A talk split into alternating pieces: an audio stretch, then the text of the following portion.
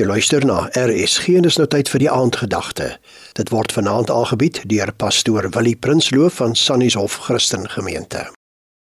Daar staan geskrywe in 1 Korintiërs 1 vers 18 want die woord van die kruis is wel dwaasheid vir die wat verlore gaan, maar vir ons wat gered word is dit die krag van God. 22 want die Jode vra teken en die Grieke soek wysheid, maar ons verkondig Christus wat gekruisig is. 'n struikelblok vir die Jode en dwaasheid vir die Grieke. Dan 1 Korintiërs 13 by vers 11 toe ek 'n kind was, het ek gepraat soos 'n kind, geredeneer soos 'n kind, gedink soos 'n kind, maar nou dat ek 'n man is, het ek die dinge van 'n kind afgelê. Daar staan in seepunt 'n saamgestelde beeldhouwerk van 'n renoster. As jy op 'n sekere punt staan, is daar net 'n klomp eisters wat jy sien, maar as jy op 'n bepaalde punt staan, dan kan jy die renoster sien. Jy het perspektief nodig klein tyd gaan dinge net oor onsself, die skrif ook.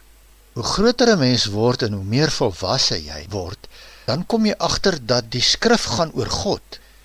Paulus se argument in 1 Korintiërs 1 is dat gelowiges en ongelowiges se perspektief heeltemal verskil. Die Grieke en die Jode verskil van gelowiges.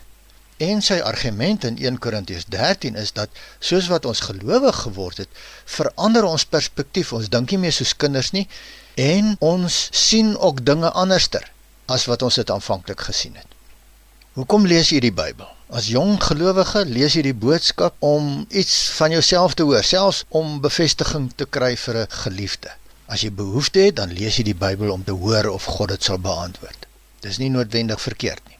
Dis kleintyd in die geloof. Maar soos wat 'n mens groot word, volwasse in God, sien jy hoe groot God is in elke teksvers en sien jy wie God is, hoe God se karakter is en hoe God dinge doen wat God beplan vir die toekoms. Daarom lees ons die Bybel nie uit ons oogpunt nie, maar lees ons om meer van God te hore kom. Elke vers in die Bybel vertel ons iets van die karakter van God, wie hy is, absoluut selfgenoegsaam, hoe hy werk, selfs in verborgenheid, sê Romeine 16:25. God se karakter is nie die van 'n mens nie, sê Jesaja 55:8 sy gedagtes nie julle gedagtes nie. God se plan word die raadsplan genoem. In die eerste 5 boeke vertel dat God geskep het en toe roep hy 'n klomp mense wat 'n passie vir hom gehad het om hom te dien en hy kies hulle uit om die evangelie uit te dra. En God skryf selfs hulle name op in geslagsregisters. Dis hoe God opereer in sy woord. Die profetiese boeke vertel hoe God profete oprig om sy volk bymekaar te hou en hoe dat profete vervolg word.